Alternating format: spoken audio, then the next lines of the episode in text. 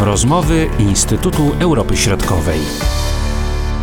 Witamy wszystkich słuchaczy rozmów Instytutu Europy Środkowej. Przed mikrofonami Marcin Superczyński i dr Piotr Oleksy. Witam Cię, Piotrze. Dzień dobry. W ostatnim czasie byliśmy świadkami masowych demonstracji w Mołdawii, organizowanych przez partię SHOR. Jak bardzo niebezpieczne są to protesty dla stabilności politycznej w Mołdawii i jakie jest rosyjskie tło tych protestów? Te protesty, o których mówisz, może one nie były aż tak masowe. To znaczy, to, no to, to były liczne, liczne protesty, to, ale ich tam liczebność ocenia się na, na, na co najwyżej kilka tysięcy, więc, więc tą masowością aż tak bardzo bym nie przesadzał. Kilka w rozumieniu bardziej 3-4 niż 8-10. One oczywiście są w jakimś sensie niebezpieczne dla stabilności systemu, dlatego że są organizowane już od kilku miesięcy, y, w zasadzie od początku jesieni. Są organizowane przez partię SHOR, y, na której czele stoi oligarcha, biznesmen, robiący wcześniej interesy z Rosją, oskarżany o, o bycie takim głównym architektem słynnej afery miliarda, kradzieży miliarda, czy tak zwanej kradzieży, kradzieży stulecia, gdy w 2014 roku z trzech mołdawskich banków zniknęła równowartość jednego miliarda dolarów i związany też z wieloma innymi korupcyjnymi Y, poważnymi konstrukcjami w Mołdawii, że, że tak, to, tak to nazwę. Szor mieszka obecnie w Izraelu, jego partia dalej działa w Mołdawii. Ta partia, jej popularność została zbudowana w zasadzie w ten sposób, że Szor rozdawał po prostu pieniądze, rozdawał jedzenie takim ludziom najbiedniejszym, otwierał też y, sieci tani, tanich supermarketów, więc tak naprawdę no, Szor y, zbudował swoją popularność polityczną na tym, że takim tanim populizmie, na tym, że żerował na biedzie wielu ludzi, których często można powiedzieć sam do tej biedy poprzez swoje działania korupcyjne i takie i te, tego typu działania do, doprowadził. Y, I y, Shore był zawsze politykiem takim właśnie, tak jak powiedziałem, populistycznym, gdzie grającym przede wszystkim na siebie. Y, kariera polityczna przez długi czas była mu potrzebna po to, żeby zabezpieczać swoje Y, swoje interesy, przede wszystkim swoje bezpieczeństwo, powiedzmy takie osobiste. Jest on obecnie poszukiwany przez mołdawski wymiar sprawiedliwości, dlatego też ukrywa się w Izraelu. A na początku jesieni tego roku doszło, doszło do takiego jego mariażu z rosyjskimi propagandystami. Mm, został namaszczony, można powiedzieć, przez, y, przez rosyjskich propagandystów na takiego y, głównego przedstawiciela interesów Rosji y, w, w Mołdawii. Wtedy też w jego działalności politycznej pojawiły się w jakiś sposób dodatkowe pieniądze. To wynikało między innymi również z tego, że ta partia socjalistów Republiki Mołdawii, która do tej pory była takim głównym orędownikiem Rosji w tym kraju, no po aresztowaniu jej byłego lidera Igora Dodona, a także po rosyjskiej agresji na Ukrainę przeżywa taki taki e, poważny kryzys, więc e, Rosja znalazła sobie, że tak powiem, zastępstwo w postaci tego bardzo no, szemranego, chociaż to jest delikatne w jego przypadku słowo, oligarchy. I te protesty są organizowane w ten sposób, że ludzie tam są w dużej mierze zwożeni, opłacani. To są często, to jest smutny widok, bo to są często ludzie najstarsi, najbiedniejsi, y, inwalidzi bardzo często, więc no nie ma, nie ma też wątpliwości, że ci ludzie mogą czuć y, y, obawę, strach, rozgoryczenie, żal, związany między innymi z ogromnym wzrostem cen, wzrostem cen na energię, już kilkukrotnie o tym mówiliśmy tutaj w rozmowach, że mm, y, cena na, na gaz w ciągu roku wzrosła, wzrosła siedmiokrotnie, a y, większość do, gospodarstw, nawet na wsi, jest, jest ogrzewanych na gaz. Więc jakby te, te obawy, niepokoje są, są z ich strony naturalne, a Shaw to stara się wykorzystać dla swojej korzyści, yy, korzyści politycznej. Yy, i również Rosja stara się to wykorzystać dla swoich takich korzyści, powiedzmy, politycznych. Władze mołdawskie mogą w jakiś sposób, e, tak w cudzysłowie, rozbroić e, tego typu protesty. To znaczy, czy e, mogą wspierać właśnie tych najuboższych, czy może są jakieś plany w tym zakresie, no, żeby jednak ci najbardziej pokrzywdzeni mieli jednak trochę lepiej, a co za tym idzie, żeby ten argument partii Shor został wytrącony. Mołdawia nie jest państwem, które mogłaby sobie pozwolić na jakieś znaczące subwencje na przykład budżetowe dla, do dogrzewania, dla ogrzewania czy na, na zużycie na zużycie energii. Y, niemniej rząd robi dużo na, y, w tym celu, żeby, żeby sytuacja na tym rynku energetycznym była bardziej stabilna.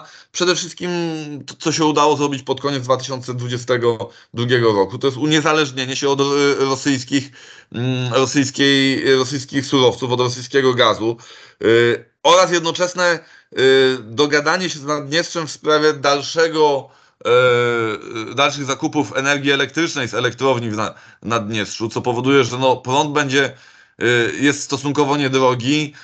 Cena gazu może nie będzie raczej tańsza, jeśli on jest kupowany z, ze źródeł zachodnich, ale też no, nie będzie przedmiotem, ta kwestia nie będzie przedmiotem, przedmiotem szantażu, szantażu politycznego. Rząd przede wszystkim tutaj musi te protesty, że tak powiem, wychodzić wobec nich z takim no, jakimś zrozumieniem, działać na rzecz poprawy faktycznie bytu zwykłych, zwykłych ludzi. Z tym, że no, w zrozumiały sposób rząd reaguje czy zrozumiały.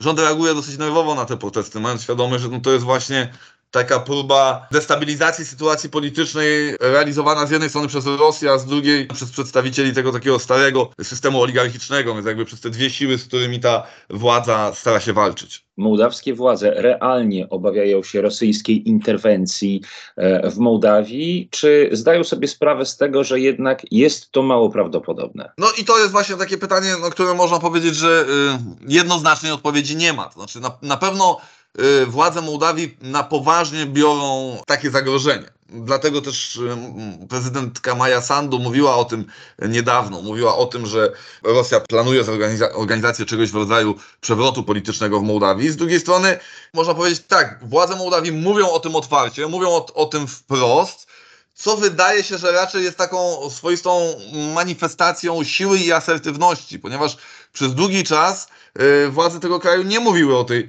y, o tej kwestii, o tym zagrożeniu, mimo że ono tak naprawdę wisiało w powietrzu już od y, lutego ubiegłe, ubiegłego roku. Nie, mówiło, nie mówili o tym, nie chcąc jakby zadrażniać zadrażniać do, dodatkowo Rosji, zadrażniać sytuacji we, wewnątrz kraju. Teraz y, mówią o tym głośno i to pokazuje taką ich pe, pewność siebie. Wczorajsza wypowiedź nowego premiera Dorina Reczana tym bardziej pokazuje, że no, wychodzą oni w tej kwestii z takiej pozycji, no, no nie powiedziałbym siły, ale takiego pewnego spokoju, założenia, że kontrolujemy, kontrolujemy przepraszam, y, sytuację.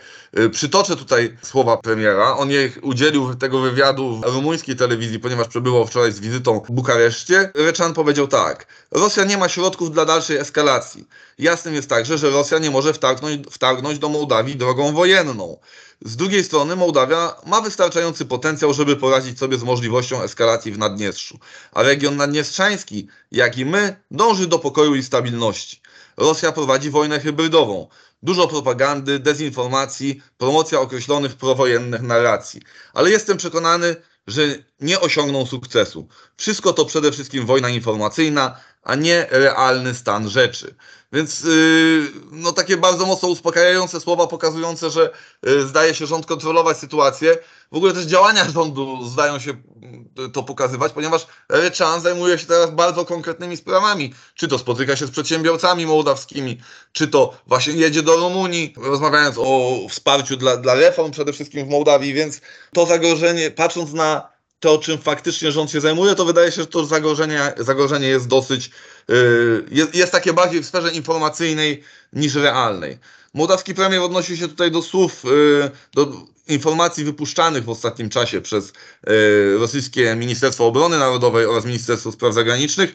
Te dwie instytucje regularnie teraz, można powiedzieć, straszą tym, że Ukraina planuje zrealizować coś w rodzaju prowokacji w Naddniestrzu, żeby pod tym pretekstem y, wejść militarnie do Naddniestrza. I no, takie sygnały dochodzą przede wszystkim z, z Rosji, co raczej wskazuje na to, że to jest element właśnie rosyjskiej jakiejś takiej rozgrywki informacyjnej, a nie y, realnego, powiedzmy w cudzysłowie, zagrożenia ze strony y, ukraińskiej to możemy jeszcze zadać pytanie, dlaczego Rosja prowadzi właśnie takie działania? To jest właśnie bardzo dobre, bardzo dobre pytanie, ponieważ yy, no z jednej strony moglibyśmy od, yy, zakładać, że to jest jakaś yy, realna obawa z ich strony, że Ukraina y, do jakiejś interwencji w Naddniestrzu mogłaby dążyć, z tym, że to się wydaje mało realne dla, z kilku przyczyn. No przede wszystkim Yy, to jest Ukrainie zupełnie teraz niepotrzebne otwieranie jakby kolejnego niewielkiego, ale jednak jakiegoś frontu, yy, frontu działań. Skoro Ukraina tego nie zrobiła wiosną, gdy yy, wojska rosyjskie były dużo bliżej Odessy, to po co miałaby to robić teraz? Samo Naddniestrze nie przedstawia zagrożenia dla Ukrainy. Rosyjskie wojska tam stacjonujące, to jest 1500 żołnierzy jak już wielokrotnie mówiliśmy, niezbyt dobrze uzbrojonych i ich morale też są mm, pod dużym znakiem zapytania.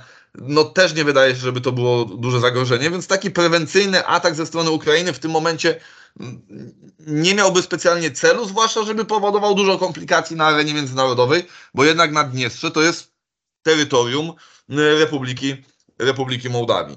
Więc y, ja tutaj dostrzegam coś innego i to jest chyba klucz dla całej sytuacji, to znaczy y, do, do zrozumienia całej tej sytuacji. To znaczy wzrasta nacisk Mołdawii na Naddniestrze. Przede wszystkim zmiana tej architektury energetycznej w regionie spowodowała, że Naddniestrze straciła, straciło wiele narzędzi nacisku na Mołdawię i sytuacja się zmieniła. Teraz to Mołdawia ma narzędzia, y, na, dużo więcej narzędzi naci nacisku na Naddniestrze i zaczyna je wykorzystywać, yy, wprowadzając również dodatkowe, jak choćby wprowadzona niedawno ustawa yy, zakazująca promocji separatyzmu i działań na rzecz separatyzmu. Yy, teoretycznie mołdawscy politycy zapewniają, że yy, ta ustawa nie będzie, z mocy, na mocy tej ustawy nie będą ścigani na przykład naddniestrzańscy urzędnicy, ale faktycznie i prawnie taki taka e, możliwość teraz się y, pojawia. Mamy też ostatnio no, taką ofensywę, powiedzmy, dyplomatyczną ze strony y, Mołdawii oraz zachodu na, na, y, na Naddniestrze. tą nieuznaną republikę separatystyczną odwiedzili niedawno amerykańscy dyplomaci, amerykański ambasador w Mołdawii, Lockstone oraz Carpenter, to jest ambasador Stanów Zjednoczonych przy Y, przy OBWE. Y, I wydaje mi się, że tutaj jest prowadzona pewna gra, która ma na celu uświadomienie elicie Naddniestrza. To jest elita biznesowa przede wszystkim, związana z firmą Sheriff. Uświadamianie jej jak najbardziej, że droga, jedyna możliwa dla nich sensowna droga zachowania jakichkolwiek swoich wpływów, interesów, a może nawet z własnego bezpieczeństwa, to jest droga porozumiewania się z Mołdawią, y, z Mołdawią i z, z Zachodem.